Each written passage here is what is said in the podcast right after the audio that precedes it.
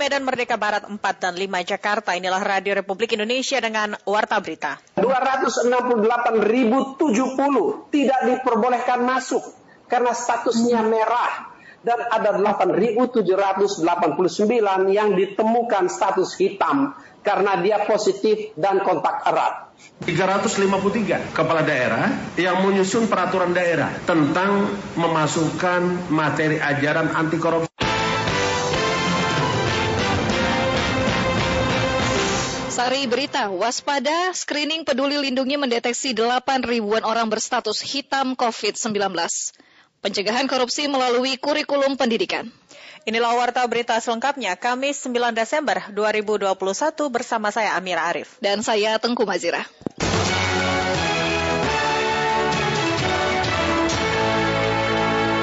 Mengawali warta berita malam ini kami hadirkan sekilas berita. Kapolri Jenderal Listio Sigit Prabowo resmi melantik Novel Baswedan dan 43 mantan pegawai Komisi Pemberantasan Korupsi KPK lainnya menjadi ASN Polri. Pelantikan berlangsung di Gedung Rupatama Mabes Polri.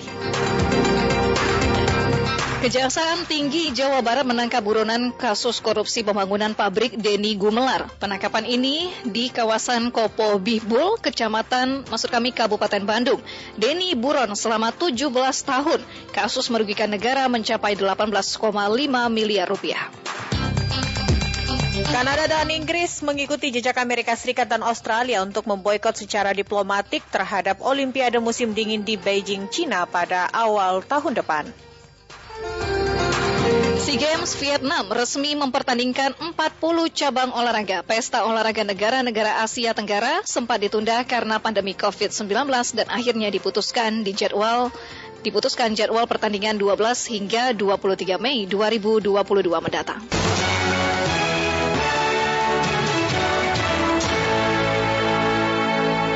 Menteri Komunikasi dan Informatika Johnny G. Plate mengatakan berdasarkan screening dari aplikasi Peduli Lindungi, tercatat lebih dari 8.000 orang ditemukan berstatus hitam karena positif dan kontak dengan pasien COVID-19 hingga dilarang untuk memasuki wilayah publik. Rini Hairani menyampaikan selengkapnya. Rekan-rekan saya nggak kebagian ngomongnya. Terima kasih. Bapak bisa juga nih. Menteri Komunikasi dan Informatika Joni G. Plate menyebut berdasarkan ya. screening dari aplikasi Peduli Lindungi, tercatat selama tiga pekan ini ada 8.789 orang yang ditemukan berstatus hitam, baik karena yang bersangkutan positif maupun kontak erat dengan pasien COVID-19. Hal itu disampaikan Joni dalam acara Indonesia Outlook 2022 bertajuk Adaptasi Kebiasaan Baru dan pemulihan kesehatan yang disiarkan di channel tempo.co. Seperti dikutip Pro 3 RRI, Kamis 9 Desember 2021. Menurut Joni, saat ini aplikasi Peduli Lindungi telah menyebar di sejumlah tempat publik dan telah digunakan oleh sebanyak lebih dari 77 juta pengguna di Indonesia. Joni menyatakan Peduli Lindungi sangat penting untuk membantu transisi digital agar dapat menangani pandemi COVID-19 dengan baik. Dan dalam tiga minggu terakhir ini, fitur ini melakukan screening ya, screening digital terhadap 63 juta 341.562 kali. Nah, di sini saya harus sampaikan ini terdapat ya 58 juta 208 1104 diperbolehkan masuk atau statusnya hijau ya. Hmm. 5 juta 71 ribu 484 diverifikasi ulang karena statusnya kuning dan 268 ribu 70 tidak diperbolehkan masuk karena statusnya merah dan ada 8.789 yang ditemukan status hitam karena dia positif dan kontak erat. Bayangkan kalau tidak gunakan peduli lindungi ada 8.000 lebih ya yang tertular yang beredar secara bebas di tempat-tempat publik. Sementara itu sebelumnya Menteri Kesehatan Budi Gunadi Sadikin menyebut tingkat kedisiplinan sejumlah pengelola pusat perbelanjaan atau mal di Jakarta terhadap penggunaan aplikasi Peduli Lindungi kian menurun. Menkes mengaku tak segan untuk mempublikasikan data kunjungan mal melalui website untuk diketahui masyarakat. Yang di dalam ini udah mulai menurun nih disiplin prokesnya kita. Hmm. Nanti akan didorong lagi kita akan dorong lagi dengan bantuan Kapolda dan Pangdam untuk mendisiplinkan ini. Kita akan mendorong lagi aplikasi bikinan anak ITB yang namanya Peduli Lindungi untuk ngecek benar nggak datang. Saya udah bisa lihat itu secara online. Kemarin asosiasi mall dan tempat kita udah pakai. Aku liatin datanya. Nih, ini ada data saya nih. Ini mall di Jakarta yang sehari yang masuk 20 ribu. Ini ada mall di Jakarta besar-besar yang masuk sehari cuma 5. Udah pasti dia nggak ngetes. Hmm. Ini saya bisa buka nih, publicly, dibuka di umum, di website. Mereka bilang, jangan, jangan, jangan dulu, takut. Peduli Lindungi merupakan aplikasi pelacak COVID-19 yang digunakan secara resmi untuk pelacakan kontak digital di Indonesia. Ada 11 fitur yang ada di Peduli Lindungi, di antaranya screening digital, pengecekan sertifikat, penerbitan hasil tes COVID-19, fitur sejarah tempat check-in screening digital, fitur diseminasi informasi terkait regulasi perjalanan, hingga fitur pendaftaran vaksin COVID-19. Solidaritas masyarakat Indonesia untuk korban terdampak guguran awan panas Gunung Semeru terus berdatangan. Kendati demikian, Kepala Staf Kodim 0821 Lumajang Mayor Infantri Rinanto menyarankan bantuan berupa uang agar dapat digunakan untuk merehabilitasi rumah yang rusak di sapu abu vulkanik. Dari Lumajang, reporter Pro 3 RRI Hairul Umam melaporkan selengkapnya. Umam? Ya, baik. Saat ini saya sedang berada di Desa Sumberwuluh, Lumajang, Jawa Timur, di mana memang uh, Desa Sumberwuluh ini merupakan uh, posko ya, tempat para pengungsi atau para relawan untuk membantu para korban erupsi Gunung Semeru. Di mana tadi memang Kepala Staf Kodim 0821 Lumajang, yaitu Mayor Infantri Rinanto, menyatakan bahwa kesiapan logistik untuk korban bencana Semeru ini bisa digunakan dalam jangka waktu satu bulan. Dengan demikian memang bantuan logistik itu dinyatakan sudah sangat melimpah. Namun dirinya menyarankan agar masyarakat bisa membantu warga Semeru yang terdampak erupsi dengan membantu uang tunai. Ia menjelaskan karena memang uang tunai bisa digunakan warga terdampak untuk membangun rumahnya kembali. Dan Rinanto juga mengatakan bahwa ada empat penampungan bantuan logistik untuk warga erupsi yang terdampak di Gunung Semeru. Ada Desa Sumberwulu, Balai Desa Pasirian, Pendopo Lumajang, dan Gor Wirabakti. Dan pendengar untuk info saat ini memang di uh, Posko Sumberwulu sendiri sudah dipindahkan ke uh, lapangan bola Candi Puro dikarenakan memang uh, tadi Dandim dari uh, eh, 0821 Lumajang mengatakan bahwa uh, uh, posko di Sumberwulu ini termasuk uh, rawan atau uh, daerah merah. Oleh karena itu uh, dari Satgas sendiri memindahkan uh, posko Sumberwulu ini ke uh, bawah radius 4 km dari lokasi sebelumnya dikarenakan memang hujan yang masih sering terjadi di Lumajang, Jawa Timur dari eh, Desa Sumberwulu, Lumajang, eh, Jawa Timur, Herul Umam, Pro 3 RRI, Porkan.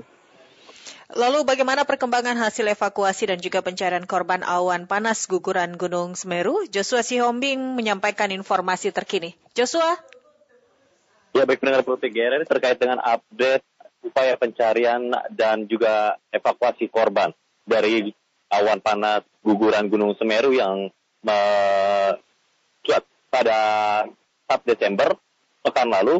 Saat ini pun tim gabungan, SAR, tim SAR gabungan masih terus melakukan upaya pencarian terhadap para korban yang memang hingga saat ini masih menjadi korban akan adanya awan panas guguran Gunung Semeru. Terkait dengan update terkini yang dilakukan oleh tim SAR gabungan bahwa setidaknya disampaikan oleh Kekasih Operasi dan Siaga Bencana Kantor Basarnas, Iwayan Suyatna, bahwa upaya pencarian pada hari ini dilakukan berhasil menemukan satu korban saja. Sehingga dengan demikian total yang sudah ditemukan sebanyak 40 orang. Berikut pernyataan dari Kasih Operasi dan Siaga Bencana Kantor Basarnas Surabaya, Iwayan Suyatna. Baik, update ya, sore hari. Korban dalam keadaan meninggal sudah, sudah menemukan 40 orang. Kemudian 12 orang dalam pencarian. Ya, seorang dalam pencarian. Ditemukan di desa Renteng. Ya, lebih lanjut juga dalam upaya pencarian tersebut, memang tim SAR gabungan masih terus melakukan upaya pencarian di sejumlah titik lokasi yang memang diduga menjadi titik terbanyak akan adanya warga yang menjadi korban dari ganasnya awan panas guguran Gunung Semeru.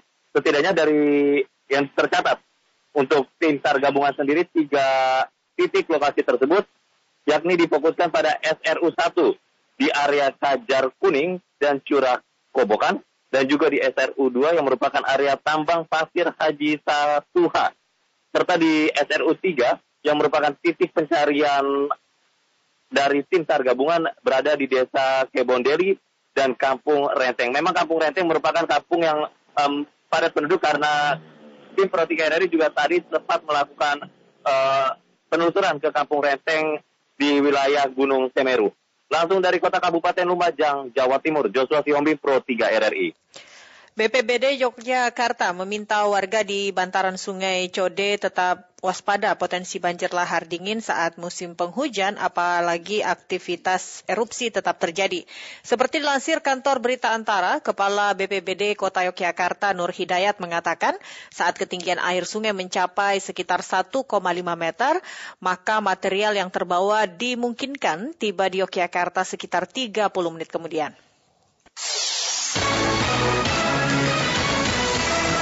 Seperti yang diinformasikan pendengar kami sebelumnya pendengar terjadi kemacetan total di wilayah ataupun juga di ruas Jalan Cililitan Keramat Jati Jakarta Timur dari sejumlah arahnya. Untuk mengetahui informasi terkini kami sudah bersama dengan Kasal Lantas Polres Metro masuk kami Polres Metro Jakarta Timur AKBP Edi Surasa. Iya Pak Edi ada informasi ataupun juga eh, yang kami terima bahwa kemacetan total terjadi di eh, Cililitan Keramat Jati Jakarta Timur. Ada apa Pak di sana sebenarnya? Baik Mbak, perlu kami laporkan memang eh, saat ini memang cukup padat dan namun tetap mengalir, bukan total enggak, tetap mengalir. Memang kendalanya eh, hanya kepadatan biasa saja, pas sebetulnya orang-orang pulang ke kantor. Jadi ini enggak ada hambatan kendala yang signifikan tidak ada, hanya kepadatan lalu lintas saja, pas kebetulan pulang kantor. Demikian Mbak Vera. Baik, jadi peningkatan volume kendaraan seperti itu ya Pak Edi? Betul betul peningkatan kendaraan saja, pas kebetulan kan harus balik ini ya, nah, gitu kira-kira demikian Mbak. Baik, jadi petugas sudah tiba di lokasi Pak, karena sebelumnya tadi disampaikan pendengar kami yang mengurai kemacetan di sana adalah sesama pengendara saja Pak. Betul-betul sudah. Jadi begitu ada laporan langsung kita, kita tindak lanjutin. Kemudian mulai dari TL Jambul, kemudian PGC, anggota kita sudah ada di tengah-tengah lapangan untuk membantu mencairkan arus lalu lintas. Ini kan Pak Vera. Pak, di depan pasar Kramajati ini kan juga banyak pedagang uh, yang berjualan di pinggir jalan. Apakah ini juga menjadi suatu alasan atau akibat dari kemacetan yang terjadi petang ini? Itu dampak, memang dampaknya kalau arus lalu lintas kan pasti berjambah. Salah satu di antaranya juga pedagang-pedagang yang khususnya di depan Kramajati yang arah ke Bogor eh, itu imbas daripada pedagang akhirnya juga kena di Jambul termasuk depan PGC dan sekitarnya itu Mbak Vera. Tapi ada penertiban di sana untuk para pedagang?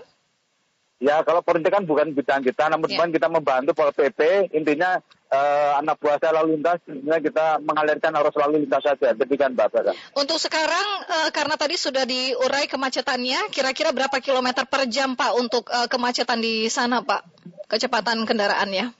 Ya sebenarnya tidak nggak, nggak terlalu jauh orang kan hanya dari Kalibata saja. Uh, saya dari KL Jambul mm -hmm. dekat Silitan mengarah ke PGC, PGC kemudian yang arah ke Raja Bogor, nggak terlalu jauh. Demikian sekarang sudah perlahan-lahan sudah mulai mengalir bagus, Mas. Baik, ya sudah ter ini ya untuk traffic lainnya berfungsi ya Pak? Berfungsi. Karena tadi disampaikan juga lampu merahnya terlalu lama di sana. Betul, betul. Namun demikian sebenarnya kita laporkan dengan dinas perhubungan, ini sekarang sudah normal seperti biasa, Mbak. Oke, baik. Terima kasih Pak Edi untuk informasinya bersama dengan kami. Selamat kembali bertugas, Pak Edi. Baik, selamat malam Mbak Vera. Selamat malam Pak Edi. Pendengar Kasal Lantas Polres Metro Jakarta Timur AKBP Edi Surasa.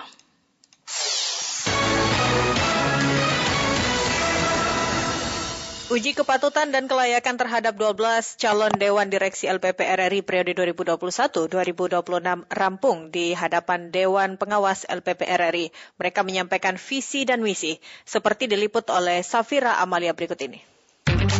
Laporan khusus. Laporan khusus. Laporan khusus. Tetapi aktivitas KPK tidak boleh hanya ada di Jakarta. Karena itu, Halkordia tahun 2001 kita sebar di lima wilayah. Puncak peringatan Hari Anti Korupsi Sedunia tahun 2021 berpusat di Gedung Merah Putih KPK hari ini. Presiden Joko Widodo dan Wakil Presiden Maruf Amin hadir langsung di lokasi bersama dengan sejumlah menteri dan kepala lembaga Kabinet Indonesia Maju. Presiden dalam sambutannya mengapresiasi kinerja aparat hukum dalam menyelesaikan banyaknya kasus yang berkaitan dengan korupsi, termasuk KPK. Namun, kepala negara menegaskan agar upaya pemberantasan korupsi tidak berorientasi pada penindakan. Di sesi ini, terima kasih. Selamat Sebanyak siang. 12 calon Dewan Direksi LPP RRI telah menjalani uji kepatutan dan kelayakan pada Kamis 9 Desember 2021. Bertempat di Auditorium Yusuf Rondipuro RRI Jakarta. Pada sesi kedua hari ini, lima calon direksi memaparkan visi misinya di hadapan para Dewan Pengawas LPP RRI. Calon direksi pada bidang program dan produksi Mistam menyampaikan RRI perlu melakukan exchange knowledge atau pertukaran pengetahuan dan pengalaman dengan organisasi di sejumlah negara. Hal ini guna memperkaya pertukaran informasi bagi RRI termasuk tentang keindonesiaan. Makanya saya sampaikan bahwa tadi kita akan melakukan kerjasama eh, dengan Kementerian Luar Negeri agar Kementerian eh, Luar Negeri itu salah satunya menjadi kontributor kita di samping kontributor yang sudah ada. Ini yang sudah ada tetapi belum termaksimalkan di sana. Artinya apa? Kita akan melakukan kerjasama yang baik dengan Kementerian Luar Negeri untuk informasi ke dalam dan informasi ke luar tentang keindonesiaan tadi. Selanjutnya calon direksi Muhammad Fauzan mengungkapkan jika dirinya menjabat sebagai Direktur Keuangan, ke depan alokasi anggaran dalam LPP RRI akan dipaparkan secara transparan baik kepada Dewan Pengawas maupun direksi. Saya jujur, memang penerapannya nanti ke depan itu harus transparan bu anggaran. Karena dari pagu indikatif yang diterbitkan misalkan sudah dari Kementerian Keuangan itu kan berdasarkan usulan-usulan daerah. Usulan daerah itu juga harus dia mempunyai karakteristik yang benar. Misalkan usulannya belanja modal. Mohon maaf nih, se- sementara ini kacamata saya, usulan daerah itu kan yang penting besar, yang penting besar bu. Yang penting dia mendapat anggaran besar. Tapi ajas manfaatnya juga kadang-kadang ini bu, tidak tepat sasaran. Kemudian calon direksi Muhammad Sujai memaparkan empat program utama, transformasi dan ekspansi, jika dirinya menjabat sebagai Direktur Teknologi dan Media Baru. Di antaranya pengembangan transmisi dan penguatan yang sudah ada, pengembangan media digital, mendukung sarana prasarana yang dibutuhkan, serta masalah SDM dan bisnis proses. Ini adalah main industri kita, which is kita tetap harus membangun transmisi baru atau juga penguatan yang sudah ada, memperluas jangkauan 3T seperti itu, evaluasi sistem dan kualitas transmitter pemancar di seluruh daerah, kemudian juga penambahan sistem uh, early warning system yang sudah ada di beberapa lokasi strategis yang memang Indonesia sangat rawan bencana, baik itu daerah pegunungan atau daerah di uh, pesisir laut. Sementara itu calon direksi Nawir mengungkapkan dirinya akan membuat terestrial digital. Menurutnya terestrial menjadi roh dan marwah RRI. Hal ini tentu menarik daya tarik tersendiri bagi masyarakat Indonesia, utamanya bagi kelompok disabilitas tunanetra. dan perencanaan kami ke depan akan kami upayakan membangun, mendirikan pemancar DAB di 10 kota besar. Tinggal kita menunggu eh, regulasi yang akan dikeluarkan dari pemerintah maupun Kementerian Komunikasi dan Informatika. Terakhir, calon direksi pada bidang layanan dan pengembangan usaha, Selamat Suparmaji, menyebut dirinya akan meningkatkan penggunaan teknologi yang lebih baru di era 5.0, sehingga tercipta efisiensi, transparansi yang dimulai dari sistem online. dari mulai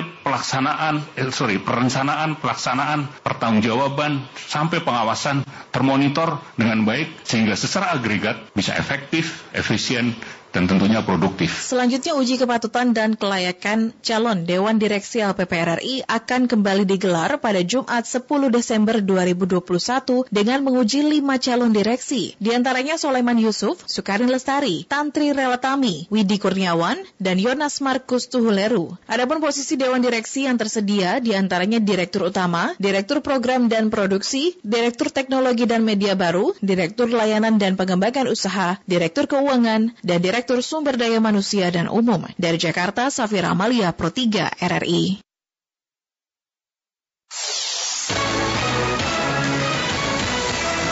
Masih mendengarkan program 3 Radio Republik Indonesia. Perayaan Puncak Hari Anti Korupsi Sedunia 2021, Komisi Pemberantasan Korupsi KPK menyiapkan tiga instrumen untuk mencegah korupsi, di antaranya melalui pendidikan.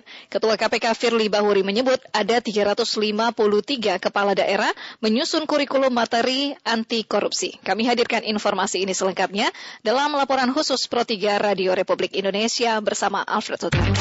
Laporan khusus. Laporan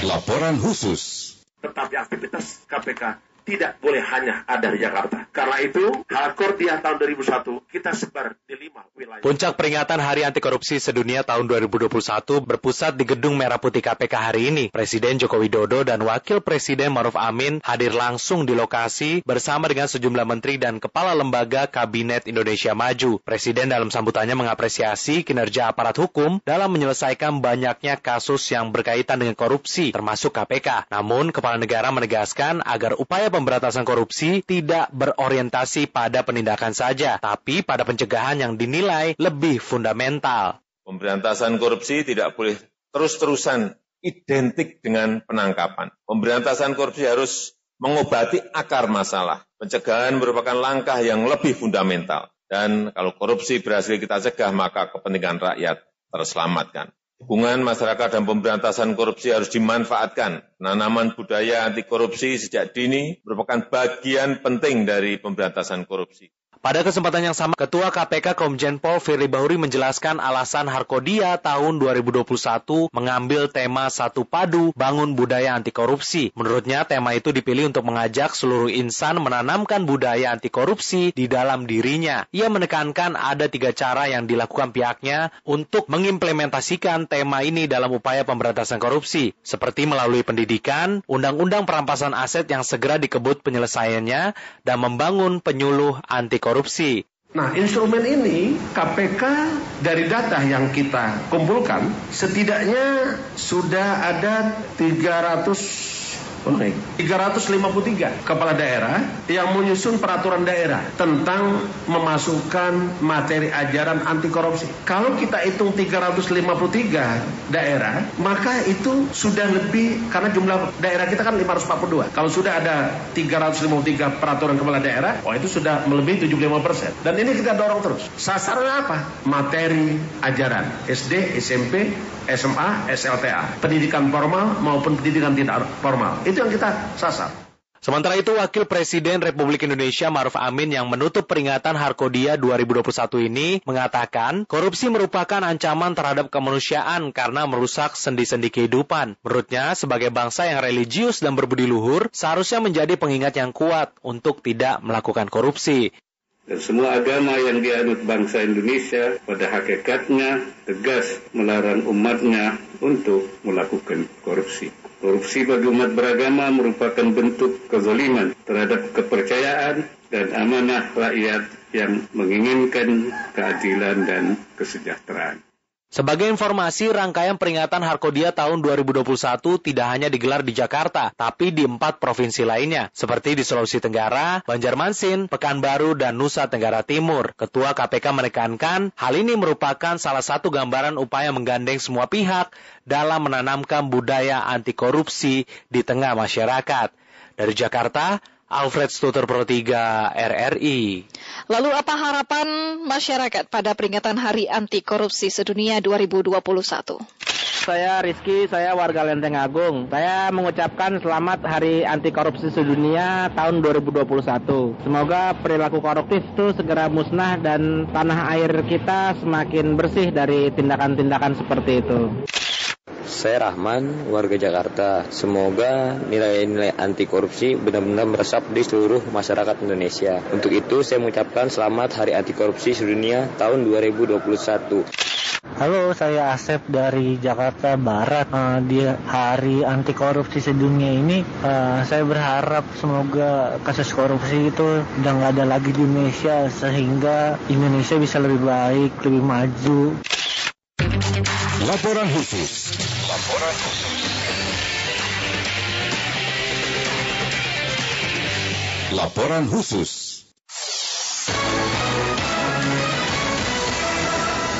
Kabar dari dunia olahraga pendengar pelatih timnas Sintayong optimis anak asuhnya mampu tampil baik saat melawan Kamboja pada pertandingan perdana di grup B Piala AFF 2020. Berikut Niar Abdul Litiloli melaporkan.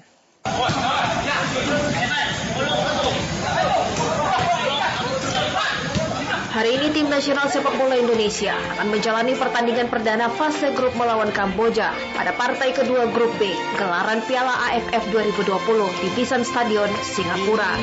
Pelatih kepala timnas Indonesia Sintayong dalam keterangannya kepada media secara virtual mengatakan, meski banyak pihak menyebut Kamboja punya kualitas yang baik, namun Sin optimis anak asuhnya mampu memberi hasil maksimal.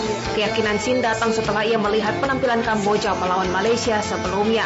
Ia pun tahu taktik apa yang akan ia terapkan pada pertandingan nanti malam.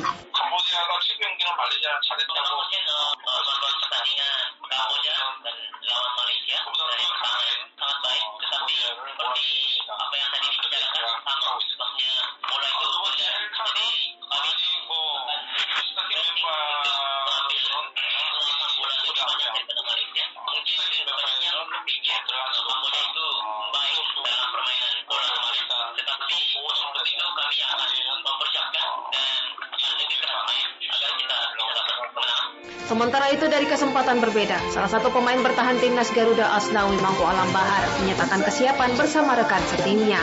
Sama seperti sang pelatih, menurut Asnawi dengan sampai di Singapura lebih dulu dan melihat pertandingan lawan sebelumnya, ia yakin mampu mengatasi calon lawan mereka.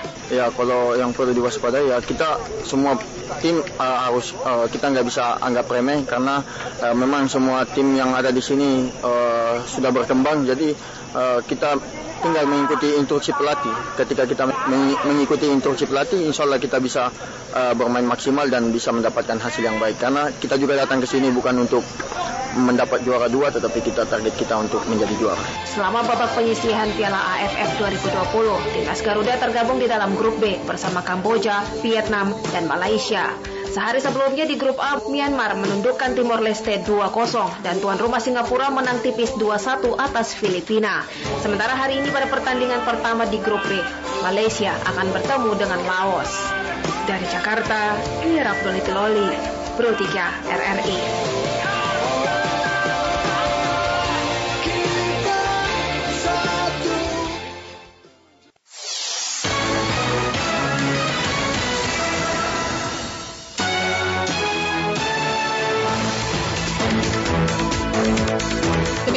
Berita mendengar kami masih akan hadirkan sejumlah informasi aktual lainnya. Saya Tengku Mazira. Saya Amir Arif.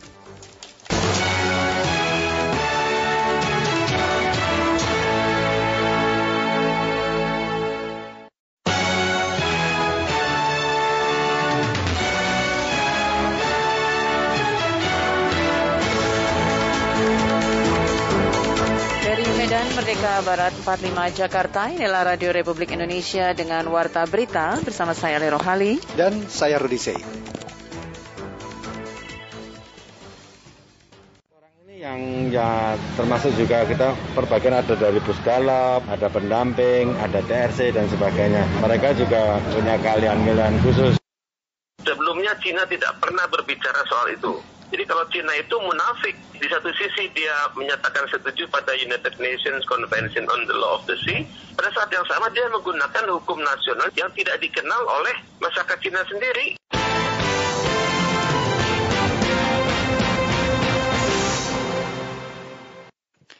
Sari berita, pemerintah kota Yogyakarta menerjunkan satu tim untuk mengirimkan bantuan dan melakukan asesmen pasca terjadinya awan panas guguran Gunung Semeru. Protes yang dilayangkan oleh pemerintah Cina kepada Indonesia untuk menghentikan pengeboran di wilayah perairan utara Natuna dianggap mengada-ada. Dan inilah warta berita selengkapnya Kamis 9 Desember 2021.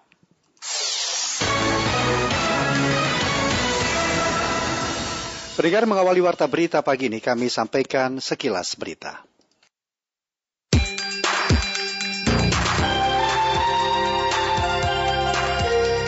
Kementerian Komunikasi dan Informatika atau Kominfo mencatat setidaknya 8.789 warga Indonesia yang berstatus positif terkonfirmasi virus corona dan kontak erat masih nekat untuk bepergian di tempat-tempat publik. Menteri Keuangan Sri Mulyani menyebutkan korupsi dapat menurunkan kinerja ekonomi karena itu bisa mengganjal kegiatan produktif, salah satunya investasi. Botswana mengklaim bahwa tidak terjadi lonjakan pasien rawat inap meski menjadi salah satu negara pertama yang mendeteksi virus corona varian Omicron. Hal itu diungkapkan Menteri Kesehatan Edwin Dikoloti.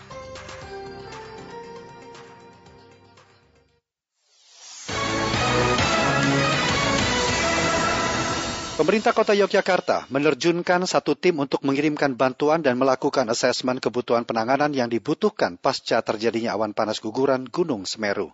Aksi tersebut sebagai bentuk empati Kota Yogyakarta terhadap terjadinya bencana awan panas guguran Gunung Semeru di Kabupaten Lumajang, Jawa Timur. Berikut kami hadirkan laporan Dian Parwanto dari Yogyakarta. Kita untuk teman-teman kita yang akan menuju ke Jawa Timur. Selamat jalan. Meriuh semangat diberikan anggota Badan Penanggulangan Bencana Daerah BPBD Kota Yogyakarta bersama Wakil Wali Kota Yogyakarta Heru Purwadi mengiringi keberangkatan dua armada bantuan logistik bagi masyarakat Kabupaten Lumajang yang terdampak erupsi Gunung Semeru. Bantuan yang diberikan pemerintah kota Yogyakarta melalui BPBD kota Yogyakarta sekaligus menerjunkan tim asesmen untuk kelanjutan bantuan sebagai upaya penanganan bencana erupsi Gunung Semeru. Heru Purwadi di sela pelepasan armada bantuan di kantor BPBD Kota Yogyakarta Rabu mengatakan keberangkatan dua armada dengan empat anggota BPBD sebagai bagian kepedulian Kota Yogyakarta yang sekaligus membangun solidaritas dan menguatkan masyarakat yang terdampak erupsi Gunung Semeru. Nah, harapan kami yang tim pertama paling tidak yang e, bisa nanti menjajaki masih adakah kebutuhan-kebutuhan yang diperlukan di sana yang mungkin masih kita bisa lakukan.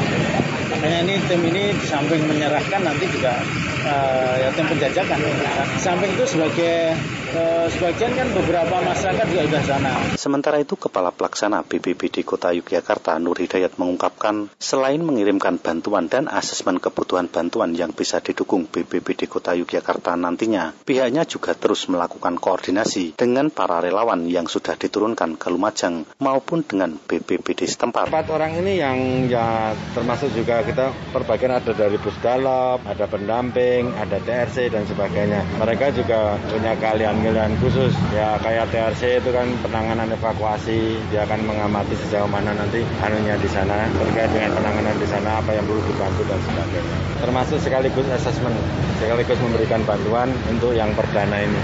Nah, nanti tinggal tunggu dari asesmen sana. Asesmen sana, kemudian kita juga memantau pergerakan para relawan yang ada di DIY. Kan ini masing-masing kabupaten juga pada menggerakkan. Bantul kemarin ngirim relawan, DIY juga, ini dan sebagainya. Jadi kita sama DIY juga koordinasi supaya nanti apa pengiriman bantuan di sana itu juga betul-betul bisa efektif tidak makro dan di sisi lain juga kita menjaga situasi lingkungan kita juga. Tidak semuanya kita juga berangkatkan. Sementara itu bantuan yang diberikan Pemkot melalui BPBD Kota Yogyakarta berupa 20.000 pieces masker medis, 40.000 botol hand sanitizer, 576 batang sabun mandi, dan 100 pasang sepatu boot. Dian Parwanto RRI melaporkan. Pendengar Posko Sumberwuluh Lumajang masih fokus dalam pencarian korban dan kemungkinan besar Posko Sumberwuluh akan bergeser agak menjauh ke bawah, tapi masih di Kecamatan Candipuro guna mengantisipasi hujan deras adanya aliran lava dingin atau panas. Dan laporan akan disampaikan oleh Hairul Umam. Hairul Umam, silakan. Ya baik, dan Rusdi, saat ini saya sedang berada di uh, posko Sumberwulu Lumajang Jawa Timur, di mana memang posko Sumberwulu Jawa Timur merupakan uh, posko terakhir atau posko teratas uh, untuk para korban erupsi Semeru. Dan uh, tadi juga Kepala Staf Kodim 0281 Lumajang yaitu Mayor Infantri Rintanto sempat mengatakan bahwa untuk agenda hari kelima uh, dalam uh, uh, korupsi, erupsi korban Semeru ini masih fokus dalam pencarian korban. Dan dirinya juga sempat mengatakan bahwa kemungkinan besar untuk posko Sumberbulu sendiri akan bergeser agak menjauh ke bawah tetapi masih di Kecamatan Candipuro. Dan hal ini memang dikarenakan uh, setiap sore atau malam di Lumajang sendiri uh, masih uh, terjadi hujan yang sangat besar dan mengakibatkan ancaman lahar dingin atau panas yang mengalir dari atas dan menuju ke bawah. Dan hal ini memang ditujukan untuk mencegah uh, terjadi hal yang tidak diinginkan. Dan untuk uh, keperluan logistik sendiri Kasdim juga mengatakan bahwa logistik masih cukup untuk satu bulan ke depan dan dirinya sempat mengusulkan kepada Dandim untuk bantuan logistik yang diberikan oleh warga sekitar atau di luar wilayah Jatim untuk bisa memberikan secara tunai untuk bisa digunakan para korban untuk merehabilitasi uh, rumah-rumahnya yang rusak dan juga ternak-ternak yang rusak.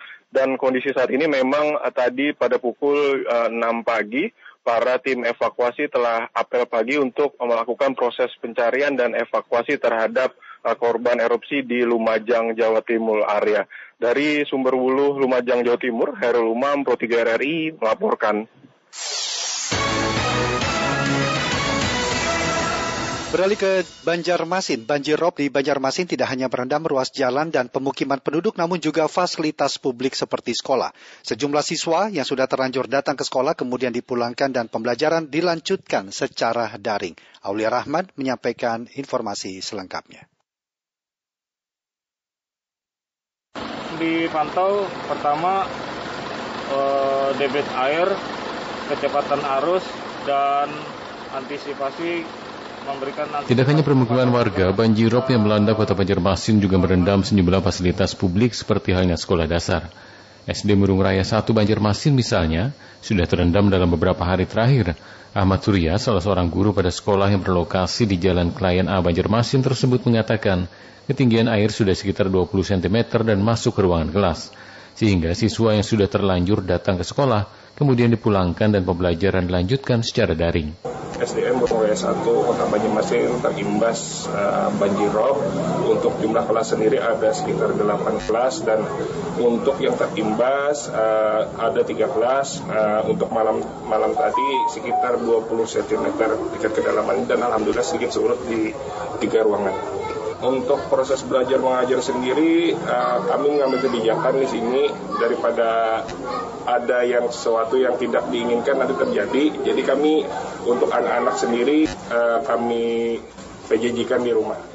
Sementara setiap dini hari atau ketika air pasang mulai terjadi, petugas BPBD Kalimantan Selatan dan juga Kota Banjarmasin terus melakukan patroli dengan membawa perahu karet dan sejumlah pelampung di mana petugas Badan Penanggulangan Bencana Daerah menembus ke titik-titik wilayah terendam banjirop. Koordinator Rescue Mobil BPBD Banjarmasin Yoshida mengatakan mereka ditugaskan untuk memantau ketinggian atau debit air serta kecepatan arus baik di sungai maupun yang berendam permukiman warga sekaligus melakukan evakuasi bagi warga yang membutuhkan bantuan. Kita lakukan patroli keliling uh, dua tahap untuk memantau uh, banjir atau air pasang rob di wilayah Kota Banjarmasin.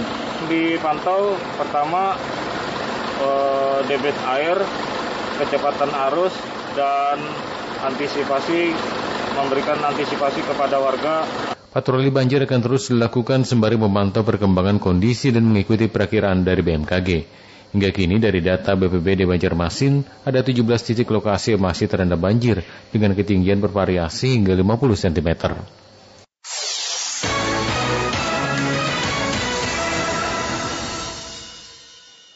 Kebijakan pembatalan pemberlakuan pembatasan kegiatan masyarakat atau PPKM level 3 selama Natal dan Tahun Baru dinilai berpotensi melonjaknya gelombang ketiga kasus COVID-19 di Indonesia. Berikut laporan Joko Saputra. Tinggal sekarang pengawasan, pengawasan daerah, pintu-pintu masuk. Dan Pulau Jawa jangan masuk dulu. Pemerintah Indonesia telah resmi membatalkan rencana pemberlakuan pembatasan kegiatan masyarakat PPKM level 3 secara serentak yang diberlakukan di seluruh wilayah Indonesia selama Natal dan Tahun Baru Nataru 2021. Pembatalan tersebut mengingat saat ini pencapaian vaksinasi secara nasional sudah mencapai angka 76% untuk dosis pertama. Pemerintah juga akan melakukan asesmen sesuai dengan situasi pandemi sesuai yang berlaku dalam regulasi pengetatan. Pencabutan status PPKM level 3 pada Nataru mendapat tanggapan beragam.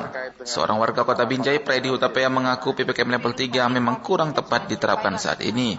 Mengingat yang harus diutamakan adalah bentuk pengawasan di lapangan meski dilakukan dengan benar.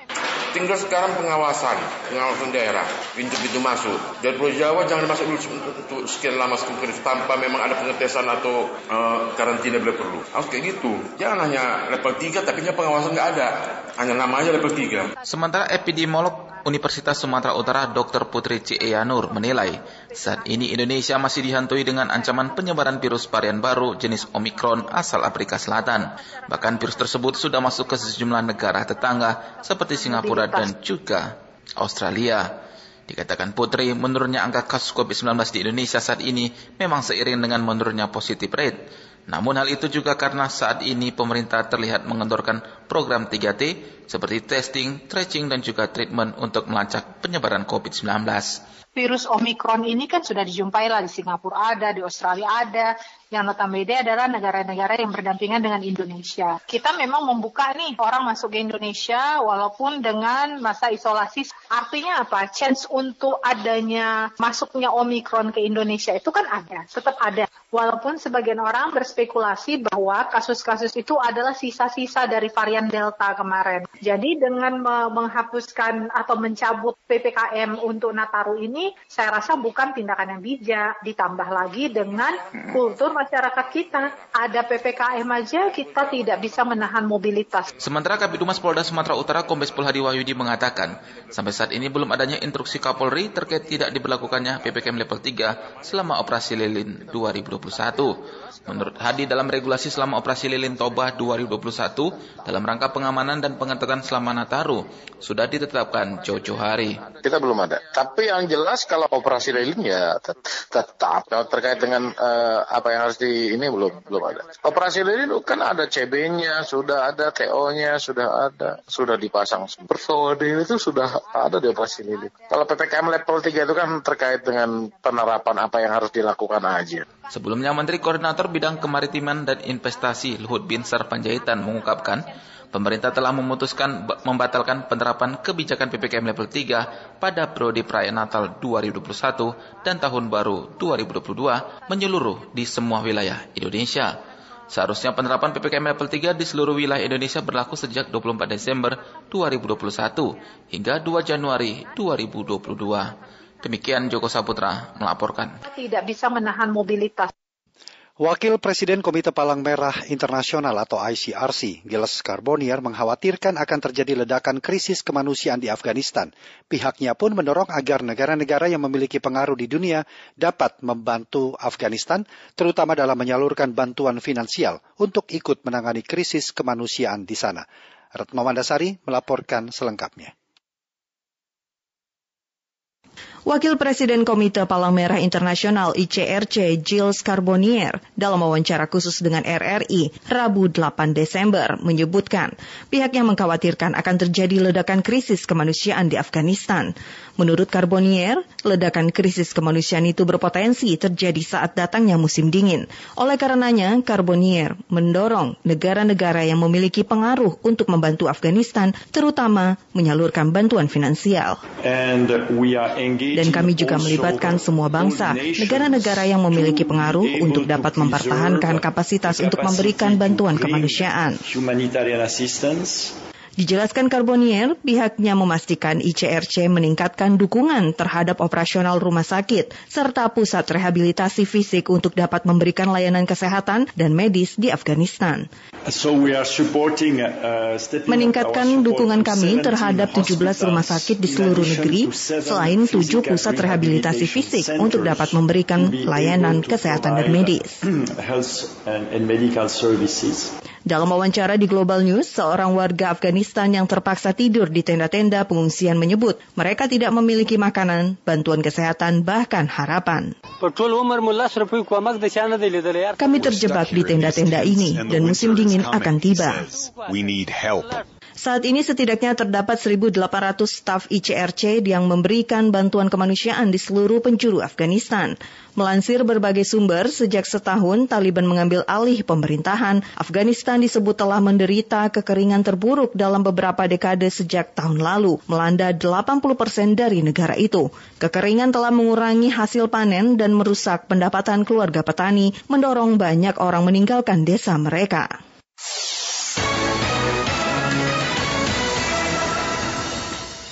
Terima kasih Anda masih menyimak Warta Berita, Produksi Pusat Pemberitaan Program 3 Radio Republik Indonesia. Protes yang dilayangkan oleh pemerintah Cina kepada Indonesia untuk menghentikan pengeboran di wilayah perairan utara Natuna dianggap mengada-ngada karena berdasar pada hukum yang tidak pernah diakui dunia. Pemerintah Indonesia diharapkan tidak perlu menanggapi protes ini secara berlebihan dan tetap melanjutkan pengeboran di perairan yang memang merupakan bagian dari wilayah Indonesia. Informasi ini selengkapnya akan kami hadirkan dalam sesi laporan khusus Pro 3 bersama Niar Abdul Litiloli. Laporan khusus. Laporan khusus. Laporan khusus. Inilah Cina sekarang, ya pada saat pada saat dia masih lemah kan dia tidak pernah bicara soal itu. Ketegangan antara Indonesia dan Cina kini kembali meningkat usai Cina melayangkan surat protes kepada pemerintah Indonesia Kamis pekan lalu untuk menghentikan pengeboran minyak lepas pantai yang berada di perairan utara Natuna. Pemerintah Cina menyebut lokasi pengeboran merupakan bagian dari wilayahnya. Jika dihitung berdasarkan hukum 9 garis putus-putus atau nine dash line. Sementara berdasarkan hukum perairan internasional atau yang dikenal dengan nama United Nations Convention on the Law of the Sea atau UNCLOS yang diakui oleh mayoritas negara di dunia, lokasi pengeboran masih berada di wilayah zona ekonomi eksklusif Indonesia. Pakar hubungan internasional dari Universitas Pajajaran Tengku Rejasya menyatakan, protes Cina adalah klaim sepihak yang berpotensi mengganggu ketertiban internasional. Surat itu sama sekali nggak beralasan ya, mm-hmm. karena tidak ada dasar hukum. Mm. Di dalam hukum internasional tidak ada istilah nine dash line itu tidak ada. Mm-hmm. Tidak diatur, tidak dikenal, dan baru di, baru di, baru dijelaskan oleh Cina pun sekitar 20 uh, 5, 15 tahunan terakhir. Mm-hmm sebelumnya Cina tidak pernah berbicara soal itu. Jadi kalau Cina itu munafik, di satu sisi dia menyatakan setuju pada United Nations Convention on the Law of the Sea, pada saat yang sama dia menggunakan hukum nasional yang tidak ada dasar hukum yang tidak dikenal oleh masyarakat Cina sendiri. Berarti bisa dibilang klaim sepihak begitu dengan hukum yang mengada-ngada di versi Cina begitu Pak? Betul klaim sepihak dan membahayakan tertib hukum internasional begitu. Mm-hmm. Karena kalau dia berhasil menekan Indonesia, dia akan melakukan hal yang sama buat negara-negara yang lain. Lebih lanjut, Reza Shah menjelaskan, pemerintah Indonesia tidak perlu menanggapi berlebihan protes yang dilayangkan oleh Cina. Selain itu, menurut Reza Shah, proses pengeboran dapat terus dilanjut dan pemerintah harus memberi pengertian kepada pihak yang terlibat dalam pengeboran untuk memahami situasi yang ada. Jadi daripada kita berurusan dengan hal-hal yang pelik itu, pertama kita katakan surat itu, kita balas surat dengan surat. Pada saat yang sama juga kita menerapkan kedaulatan kita kok di, di Laut Natuna Utara, laut wilayah laut kita itu. Di situ kita melakukan pengeboran ya jalan terus dan juga kita memberikan jaminan kepada pihak-pihak asing yang terlibat mengatakan bahwa bahwa Indonesia Indonesia tetap menghargai uh, ini hak dan kewajiban yang sehubungan dengan pengeboran itu. Mm-hmm. Dan untuk itu ya mari kita uh, tetap lanjutkan pengeboran dan untuk itu ya Angkatan Laut Indonesia hendaknya memperkuat diri dong. Baik. Jadi harus ada kerjasama antara kekuatan diplomatik dengan kekuatan TNI. Pekan lalu, Panglima Komando Armada 1 TNI Angkatan Laut, Laksda TNI Arsyad Abdullah mengatakan, Cina dapat melakukan protes namun protes ini tidak akan ditanggapi karena lokasi pengeboran masih merupakan bagian dari wilayah kedaulatan Indonesia. Protes dari Cina itu bisa-bisa saja. Namanya negara untuk mengklaim bisa saja diprotes, namun kita e, berdasar bahwa ini merupakan wilayah zona ekonomi eksklusif Indonesia sehingga kita e, tetap menyampaikan bahwa protes dia tidak tidak kita terima ya karena wilayah tersebut masuk dalam wilayah zona ekonomi eksklusif Indonesia berdasarkan UNCLOS. Jadi sudah jelas tempat uh, kita melaksanakan pengeboran khususnya Rig Nobel ini berada di dalam uh, 200 nautical mile. Kamis pekan lalu, kantor berita Reuters melaporkan Cina meminta Indonesia menghentikan pengeboran minyak lepas pantai di wilayah perairan Laut Utara Natuna atau Laut Selatan Cina. Berdasarkan hukum perairan internasional, wilayah yang berada di dalam radius 200 nautical miles adalah zona ekonomi eksklusif. Konvensi Perserikatan Bangsa-Bangsa tentang Hukum Laut yang juga disebut Konvensi Hukum Laut Internasional atau Hukum Perjanjian Laut adalah perjanjian internasional yang dihasilkan dari Konferensi Perserikatan Bangsa-Bangsa tentang Hukum Laut yang ketiga yang berlangsung dari tahun 1973 sampai dengan tahun 1982 dan diakui oleh hampir seluruh negara di dunia. Dari Jakarta, Nira Abdul Pro 3 RRI. Ya, dan pendengar kami sampaikan pula untuk pasca atau Pekan lalu, pihak China melayangkan surat protes kepada pemerintah Indonesia karena melakukan pengeboran minyak di lepas pantai di wilayah Laut Utara Natuna yang diklaim oleh China masih merupakan wilayahnya. Padahal berdasarkan hukum internasional, perairan ini masih menjadi bagian dari zona ekonomi eksklusif atau ZEE wilayah Indonesia. Berikut tanggapan masyarakat terkait hal ini. Nama saya Firman dari Tebet, Jakarta Selatan. Seharusnya Cina menghormati zona ekonomi eksklusif, tapi harus bersabar karena sekarang dia sudah mengingat. Pemerintah Indonesia tidak boleh diam untuk hal ini. Jadi daripada kita berurusan dengan hal-hal yang pelik itu, pertama kita katakan surat itu kita balas surat dengan surat pada saat yang sama juga kita menerapkan kedaulatan kita kok di, di laut Natuna Utara, laut wilayah laut kita itu. Di situ kita melakukan pengeboran ya jalan terus dan juga kita memberikan jaminan kepada pihak-pihak asing yang terlibat mengatakan bahwa bahwa Indonesia Indonesia tetap menghargai uh, ini hak dan kewajiban yang sehubungan dengan pengeboran itu. Mm-hmm. Dan untuk itu ya mari kita uh, tetap lanjutkan pengeboran dan untuk itu ya Angkatan Laut Indonesia hendaknya memperkuat diri dong. Baik. Jadi harus ada kerjasama antara kekuatan diplomatik dengan kekuatan TNI. Protes dari Cina itu bisa-bisa saja. Namanya negara untuk mengklaim bisa saja diprotes. Namun kita e, berdasar bahwa ini merupakan wilayah zona ekonomi eksklusif Indonesia. Sehingga kita e, tetap menyampaikan bahwa protes dia tidak tidak kita terima ya karena wilayah tersebut masuk dalam wilayah zona ekonomi eksklusif Indonesia berdasarkan UNCLOS. Jadi sudah jelas tempat uh, kita melaksanakan pengeboran khususnya Rig Nobel ini berada di dalam uh, eh, 200 nautical mile. Pendengar komentar Pro 3 RRI pagi hari ini menyoroti sikap Cina atas Kepulauan Natuna yang cukup mengkhawatirkan. Komentar disampaikan editor senior Pro 3 RRI, Widi Kurniawan.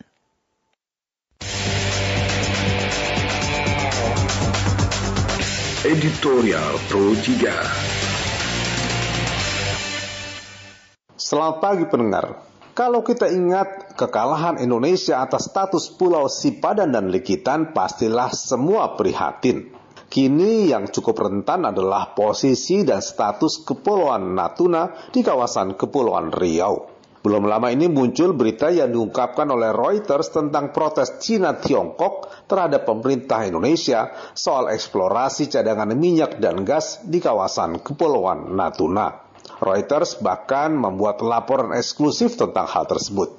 Salah satu poin protes Cina disebut karena Natuna dianggap sebagai bagian dari wilayah peta baru Cina dengan garis putus-putus sembilan atau nine dash line. Sikap Kemenlu seperti diungkapkan oleh juru bicara Teguh Fejasa tampak berhati-hati dengan menyebut status nota diplomatik bersifat tertutup. Ini tentu kebijakan etika hubungan luar negeri yang harus dipahami bersama. Selain itu, menurut pakar hukum internasional Edi Pratomo, klaim Cina soal eksplorasi sebenarnya juga tidak berdasar karena proses pengeboran telah rampung pada bulan November lalu. Kerana demikian, sikap waspada tampaknya juga harus terus dilakukan oleh pemerintah Indonesia. Salah satu hal yang paling penting adalah mengembangkan Kepulauan Natuna sebagai sebenar-benarnya wilayah Republik Indonesia dengan pembangunan pesat. Bila mungkin, Natuna harus dibangun setara dengan Pulau Batam atau bahkan lebih. Ini penting agar klaim negara lain sulit dibuktikan terhadap Natuna. Apalagi Cina Tiongkok memang saat ini terus memperkuat posisinya di kawasan Laut Cina Selatan bukan saja militer, tetapi juga ekonomi, seperti yang dilakukannya di kawasan Pulau Hainan dan Kepulauan Spratly. Abaikan Nine Dash Line dan terus memajukan Natuna seraya memperkuat diplomasi politik internasional. Demikian komentar, selamat pagi.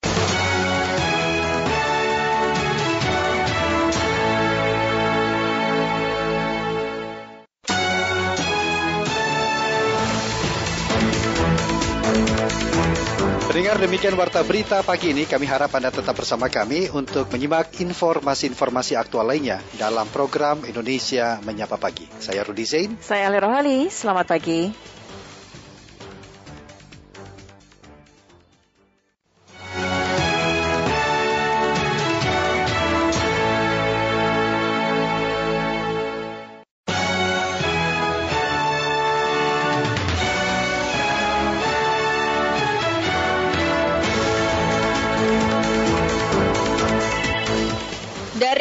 Merdeka Barat 45 Jakarta, inilah Radio Republik Indonesia dengan Warta Berita.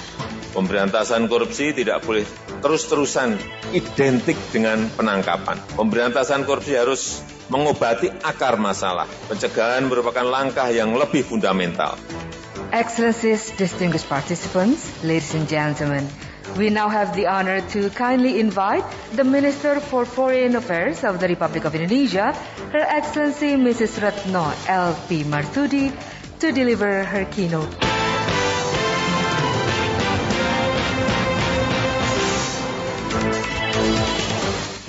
Sari Berita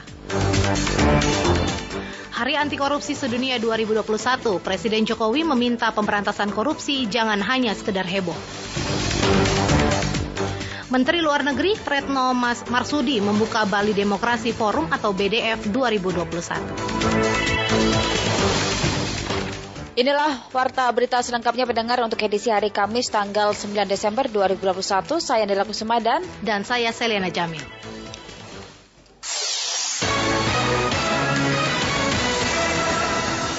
Mengawali warta berita siang ini kami hadirkan sekilas berita utama.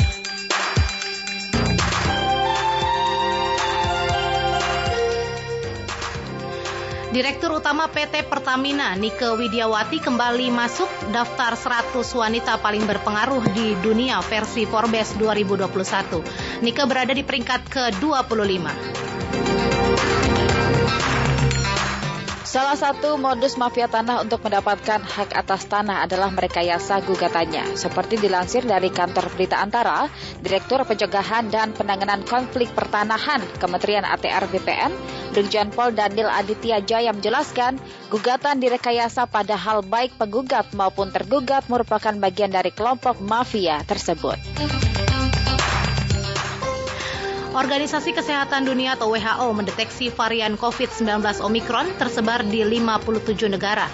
Dikutip dari Reuters, WHO memprediksi pasien yang dirawat akan meningkat. Laga Atalanta kontra Villarreal pendengar diundur pada Kamis dini hari tadi waktu Jakarta karena badai salju. Baik Atalanta ataupun Villarreal sepakat pertandingan diundur menjadi Kamis sore nanti waktu setempat atau Jumat dini hari waktu Jakarta. Laga untuk memperebutkan satu tiket tersisa dari grup F Liga Champions.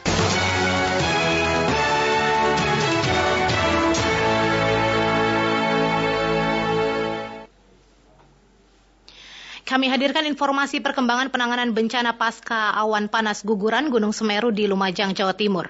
Kami hadirkan dari berbagai titik bersama reporter kami dan informasi pertama kami awali bersama reporter kami Hairul Umam, Posko 2 Posko Desa Sumberwuluh Lumajang dipindahkan ke lapangan Candipuro 4 km dari lokasi sebelumnya. Pemindahan untuk mengantisipasi terjangan lahar susulan Gunung Semeru. Selengkapnya akan dilaporkan Hairul Umam. Umam, Ya baik Seli dan Andela, saat ini saya sedang, sedang berada di Desa Sumberwuluh, Lumajang, Jawa Timur, di mana tadi Komandan Kodim 0821 Lumajang, yaitu Letkol Infanti Andi Awibowo, mengatakan bahwa posko erupsi di Sumberwuluh akan dipindahkan ke bawah, di mana tadi Andi memberikan alasan kenapa lokasi Sumberwuluh ini akan dipindahkan ke daerah bawah. Andi juga menambahkan bahwa faktor cuaca seperti hujan telah membuat air meluap dan juga uh, membawa material uh, Gunung Semeru tersebut. Berikut pernyataan Letkol Infantri Andi Wibowo. Dikhawatirkan daerah ini masih daerah rawan, ya. posko ini baik itu tumpahan lahar maupun awan panas berat. Dan apalagi dan Andi juga mengatakan bahwa lokasi sebelumnya akan dipindahkan ke lapangan sepak bola Candipuro di mana lokasi ini uh, jauh di bawah 4 km dari lokasi Sumberwulu Lumajang Jawa Timur. Dari posko Sumberwulu Lumajang Jawa Timur, Hairumam Pro 3 RRI melaporkan. Pendengar dan tim operasi Basarnas Brian Gautama meminta masyarakat untuk tidak melebih-lebihkan video terkait dengan awan panas guguran dari Gunung Semeru. Dari Lumajang ada reporter kami Joshua Sihombing menyampaikan informasi selengkapnya. Joshua. Ya baik Andela dan juga Seli serta pendengar Pro 3 RRI memang terkait dengan adanya awan panas guguran Gunung Semeru yang mengembuskan pada Sabtu 4 Desember silam menjadi menjadi kekhawatiran bagi masyarakat sekitar Gunung Semeru ataupun memantik adanya berbagai gangguan psikis yang dinilai memang dapat mengganggu juga ke konsentrasi bagi masyarakat dalam mengantisipasi akan adanya bencana alam seperti awan panas guguran Gunung Semeru. Terkait hal tersebut disampaikan oleh dan tim operasi dari Basarnas, Brian Gautama, bahwa hal tersebut sangat dihimbau bagi masyarakat ataupun bagi warga yang memang berada di sekitaran Gunung Semeru untuk tidak menyebarkan ataupun tidak melakukan pengupdatean secara berlebihan maupun dengan teks ataupun dengan caption yang berlebihan sehingga menimbulkan kekhawatiran yang berlebihan oleh masyarakat. Di mana juga Gautama mengungkapkan adanya penyebaran dari konten video tersebut dapat mengganggu fokus dari masyarakat dalam mitigasi bencana yang terjadi di kawasan Gunung Semeru. Berikut pernyataan dari dan tim operasi Basarnas Brian Gautama.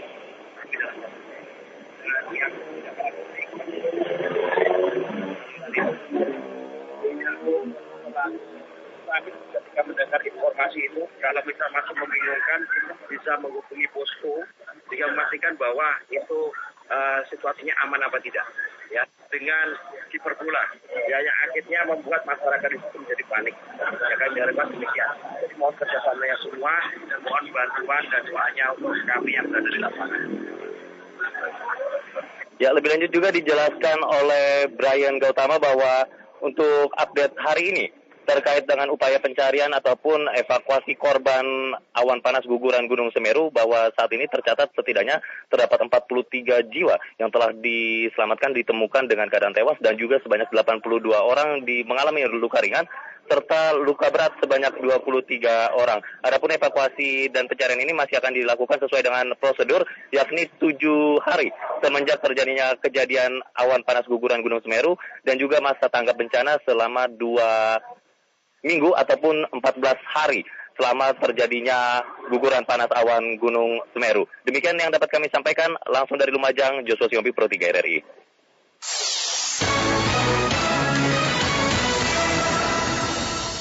Anda masih mendengarkan Warta Berita Program 3 Radio Republik Indonesia. Presiden Joko Widodo menegaskan upaya pemberantasan korupsi di Indonesia tidak boleh lagi identik dengan penangkapan, namun lebih kepada pencegahan karena lebih fundamental. Kepala negara juga tidak ingin sekedar penindakan yang heboh semata karena tidak dapat dirasakan manfaatnya oleh rakyat. Hal itu disampaikan oleh Presiden Jokowi dalam acara Hari Anti Korupsi Sedunia atau Hakordia 2021. Seperti laporan Pradipta Rahadi berikut ini. Sebagai ungkapan rasa syukur kita kepada Tuhan. Hari Anti Korupsi Sedunia tahun 2021 diselenggarakan oleh Komisi Pemberantasan Korupsi KPK, tentu dengan mengundang Presiden Joko Widodo untuk hadir secara langsung ke Gedung Merah Putih di Jakarta. Dalam kesempatan tersebut, Presiden Joko Widodo sangat mengapresiasi banyaknya kasus yang berkaitan dengan tindak pidana terselesaikan oleh para aparat penegak hukum termasuk KPK. Namun, Presiden Jokowi dalam sambutannya menegaskan, upaya pemberantasan korupsi di Indonesia tidak boleh lagi identik dengan penangkapan, namun lebih kepada pencegahan karena lebih fundamental. Pemberantasan korupsi tidak boleh terus-terusan identik dengan penangkapan. Pemberantasan korupsi harus mengobati akar masalah. Pencegahan merupakan langkah yang lebih fundamental. Dan kalau korupsi berhasil kita cegah, maka kepentingan rakyat terselamatkan. Dukungan masyarakat dan pemberantasan korupsi harus dimanfaatkan. Penanaman budaya anti korupsi sejak dini merupakan bagian penting dari pemberantasan korupsi. Selain itu, Kepala Negara juga tidak ingin sekedar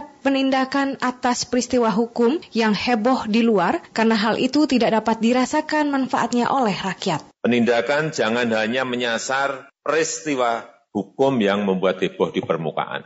Namun dibutuhkan upaya-upaya yang lebih fundamental upaya-upaya yang lebih mendasar dan lebih komprehensif yang dirasakan manfaatnya langsung oleh masyarakat. Upaya penindakan sangat penting untuk dilakukan secara tegas dan tidak pandang bulu. Bukan hanya untuk memberikan efek jerah kepada pelaku dan memberikan efek menakutkan, deterrence efek pada yang berbuat, tetapi penindakan juga sangat penting untuk menyelamatkan uang negara dan mengembalikan kerugian negara. Adapun Ketua KPK Komjen Pol Firly Bahuri dalam kesempatan tersebut mengatakan bahwa kini semakin banyak kementerian lembaga dan juga pemerintah daerah yang menunjukkan integritas baiknya dalam bekerja berdasarkan data dari survei integritas. Kami mengucapkan selamat tetapi tetaplah kita tidak pula berhenti berkarya untuk bangsa, untuk memberantas korupsi. Pada peringatan Hari Anti Korupsi Sedunia tahun 2021, KPK melapor kepada Presiden bahwa pihaknya menerima 1.838 laporan gratifikasi dari para penyelenggara negara sepanjang tahun 2021. KPK mengapresiasi para penyelenggara negara yang melaporkan gratifikasi yang diterimanya. Dari ribuan laporan gratifikasi yang diterima oleh KPK, ada senilai sekitar 7,48 miliar rupiah. Dari jumlah tersebut, sebanyak 1,8 miliar rupiah ditetapkan sebagai milik negara dan sebanyak 5,6 miliar rupiah ditetapkan sebagai bukan milik negara. Dari Jakarta, Pradipta Rahadi, Pro 3 RRI. Sementara itu pendengar Menteri Agama Yakut Kolil Komas menyatakan korupsi adalah musuh bersama sehingga perlu dibangun budaya anti korupsi. Seperti diliput oleh Rini Hairani, menurut Menteri Yakut, budaya anti korupsi dapat dimulai dari keluarga.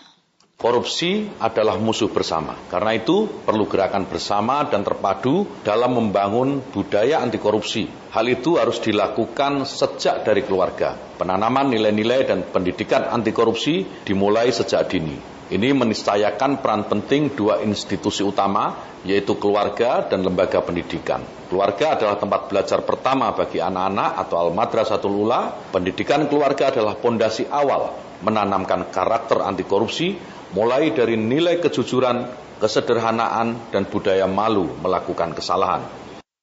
Menteri Agama berharap melalui momentum Hari Anti Korupsi Sedunia yang diperingati setiap tanggal 9 Desember semakin meningkatkan kesadaran dalam upaya pencegahan dan memerangi korupsi.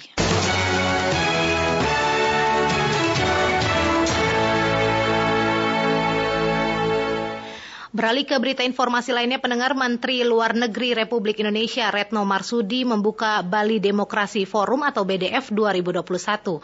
Ada tiga isu utama di BDF, di antaranya adalah distribusi vaksin COVID-19.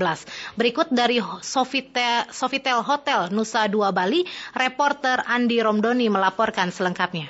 Excellencies, distinguished participants, ladies and gentlemen, We now have the honor to kindly invite the Minister for Foreign Affairs of the Republic of Indonesia, Her Excellency Mrs. Retno L.P. Marsudi, to deliver her keynote. Menteri Luar Negeri Retno Marsudi secara resmi membuka Forum Demokrasi Bali atau BDF ke-14 di Nusa Dua. Tahun ini Forum Demokrasi Bali mengusung tema demokrasi untuk kemanusiaan, memajukan ekonomi dan keadilan sosial di masa pandemi.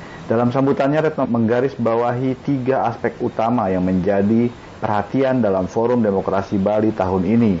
Pertama adalah mengenai kesetaraan untuk memastikan pemulihan yang merata pasca pandemi. Dalam konteks pandemi COVID-19, menurut Retno, kesetaraan berarti memberikan kesempatan yang sama bagi setiap orang untuk dapat memenangkan perang melawan pandemi. Salah satunya melalui upaya vaksinasi. Retno menekankan bahwa kesenjangan dalam hal vaksinasi global masih dirasakan hingga sekarang. Kita tidak punya pilihan lain selain mendemokratisasikan distribusi vaksin ke semua negara dengan fokus utama pada negara-negara yang belum menerima dosis utama. Hal kedua yang menjadi perhatian dalam Forum Demokrasi Bali tahun ini adalah mendorong kebijakan inklusif untuk mengamankan pemulihan bersama. Retno Marsudi mengatakan bahwa dalam konteks demokrasi, inklusivitas berarti partisipasi seluruh warga negara dalam semua aspek pemerintahan. Dalam konteks pandemi, Retno menjelaskan bahwa dampak pemulihan harus dirasakan oleh seluruh warga negara tanpa terkecuali, terutama kaum wanita, pekerja informal, penyandang disabilitas, dan masyarakat sekitar. We have to democratize opportunity for recovery. Kita harus mendemokratisasikan peluang untuk pemulihan. Demokrasi akan memberikan ruang dialog untuk memastikan upaya pemulihan menyasar secara spesifik kepada golongan tersebut. Dengan memastikan inklusivitas, kita dapat menciptakan masyarakat tangguh pasca pandemi. Hal lain yang juga menjadi perhatian adalah mengenai upaya menciptakan arsitektur ekonomi global yang adil untuk mempercepat pemulihan. Retno mengatakan dalam konteks pandemi setiap negara harus memiliki kesempatan yang sama untuk pulih secara ekonomi. Untuk itu dibutuhkan dukungan dari lingkungan internasional untuk dapat mencapai pemulihan yang berarti. Forum Demokrasi Bali ke-14 tahun 2021 dihadiri oleh perwakilan dari 96 negara yang hadir secara fisik maupun virtual. Hadir pula empat organisasi internasional, sejumlah menteri luar negeri dari beberapa negara kawasan Asia Pasifik, Eropa, dan Amerika, serta pimpinan organisasi internasional. Turut hadir para pembicara ahli yang akan mendiskusikan berbagai cara pandang dan pengalaman dalam menghadapi tantangan demokrasi di masa pandemi. Andi Ramdoni melaporkan. Pendengar para Deputi Menteri Keuangan dan Bank Sentral menggelar pertemuan di Nusa Dua Bali selama dua hari. Pertemuan ini merupakan rangkaian dari pertemuan selama kepemimpinan Indonesia G di G20. Apa sajakah yang dibahas dalam pertemuan tersebut? Berikut dari Denpasar Bali, reporter kami Magdalena Krisnawati melaporkan selengkapnya untuk Anda. Lena. Selamat siang pendengar, saat ini saya berada di Nusa Dua Bali, tempat berlangsungnya Finance and Central Bank Deputies Meeting atau pertemuan para deputi, Menteri Keuangan, dan Bank Sentral negara anggota G20. Pertemuan ini merupakan rangkaian kegiatan dari yang akan dilakukan Indonesia yang telah memulai tugas presidensi G20 sejak 1 Desember 2021 kemarin.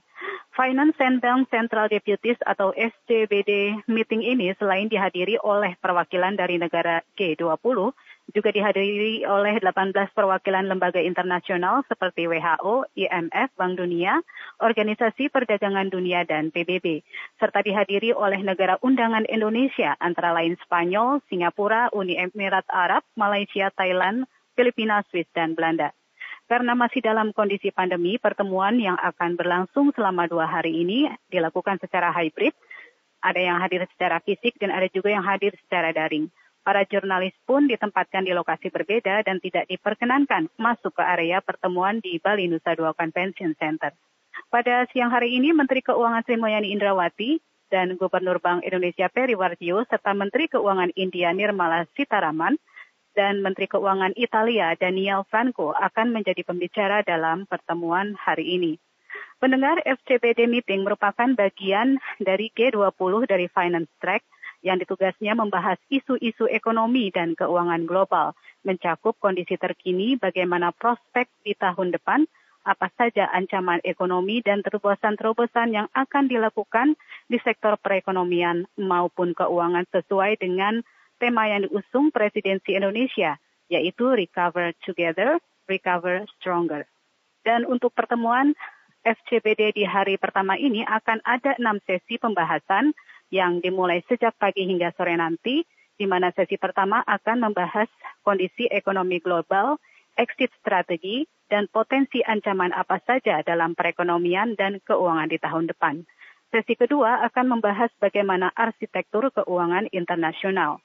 Sesi ketiga membahas soal regulasi dan inklusi keuangan, dilanjutkan dengan sesi keempat membahas keuangan berkelanjutan, sesi kelima membahas investasi infrastruktur, dan seksi ke-6 akan membahas soal perpajakan internasional.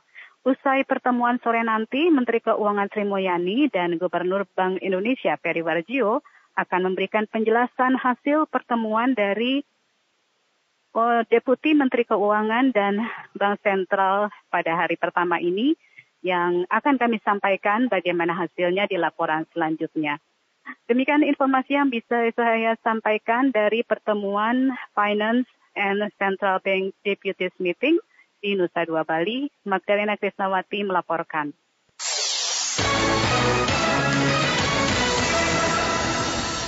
Pendengar ada 12 calon direksi LPP RRI periode 2021-2026 yang mengikuti uji kelayakan dan kepatutan yang digelar pada hari ini. Tujuh di antaranya telah menuntaskan di hadapan Dewan Pengawas LPP RRI. Seperti apa gambaran jalannya uji kelayakan dan kepatutan? Berikut ini laporan dari Safira Amalia. Peserta selanjutnya kami persilakan untuk memasuki ruangan. Hari ini Kamis 9 Desember 2021, para calon Dewan Direksi LPP RRI periode 2021-2026 menjalani uji kelayakan dan kepatutan fit and proper test yang bertempat di Auditorium Yusuf Ronodipuro RRI Jakarta. Uji kelayakan dan kepatutan ini dibagi menjadi dua sesi pada hari ini dan esok hari dengan jumlah calon 17 orang. Terdapat 12 orang pertama yang menyampaikan visi dan misi di hari ini. Tujuh di antaranya telah menyampaikan visi misinya di hadapan Dewan Pengawas RRI. Calon Dewan Direksi LPP RRI Bekti Nugroho menuturkan bahwa dirinya ingin menjadikan RRI sebagai bagian dari strategi budaya. Menurutnya, untuk mencapai hal itu, RRI harus masuk dalam transformasi digital pada era saat ini. Saya yakin potensi budaya Nusantara sangat luas, sangat banyak, sangat beragam. Itu adalah aset, itulah potensi.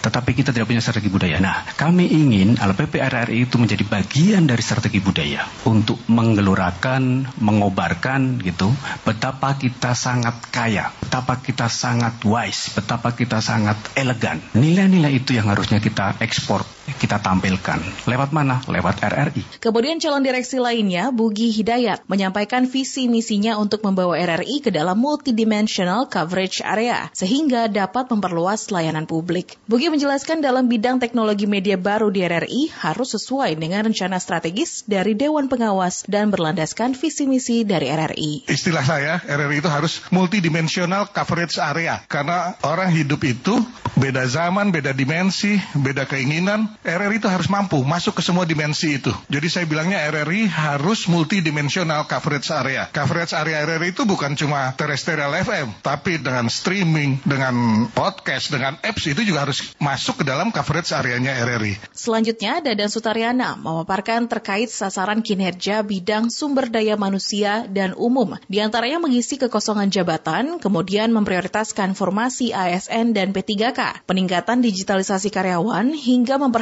tata hubungan kerja antara Dewan Pengawas dan Direksi. Saya mencoba mengangkat bagian dari TUP, yaitu bagaimana tata hubungan kerja antara Dewas dan Direksi. Untuk itu, saya akan mencoba mengangkat agar segera terbit kebijakan yang disetujui oleh Dewas, eh, sebuah tata hubungan kinerja Dewas Direksi. Selain tiga calon direksi tersebut, nama-nama yang telah memaparkan visi misinya di hadapan Dewan Pengawas RRI di antaranya adalah Cecep Suryadi, Dedi Suparman, Ihan Rasmo, dan Iwan Martono. Adapun posisi Dewas Direksi yang tersedia di antaranya Direktur Utama, Direktur Program dan Produksi, Direktur Teknologi dan Media Baru, Direktur Layanan dan Pengembangan Usaha, Direktur Keuangan, dan Direktur Sumber Manusia dan Umum. Dari Jakarta, Safira Malia, Pro 3 RRI.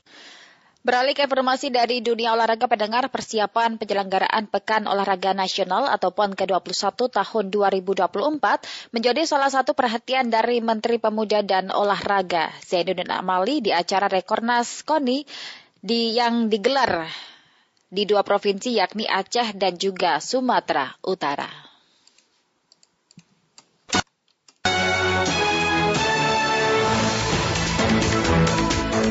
Pendengar selepas ini kami akan menghadirkan kembali uji kepatutan dan kelayakan calon Dewan Direksi LPP RRI periode 2021-2026. Jadi pastikan untuk Anda tetap bersama kami dalam program Indonesia Menyapa Siang. Saya Dela Kusumadan. Dan saya Selena Jamil. Selamat siang.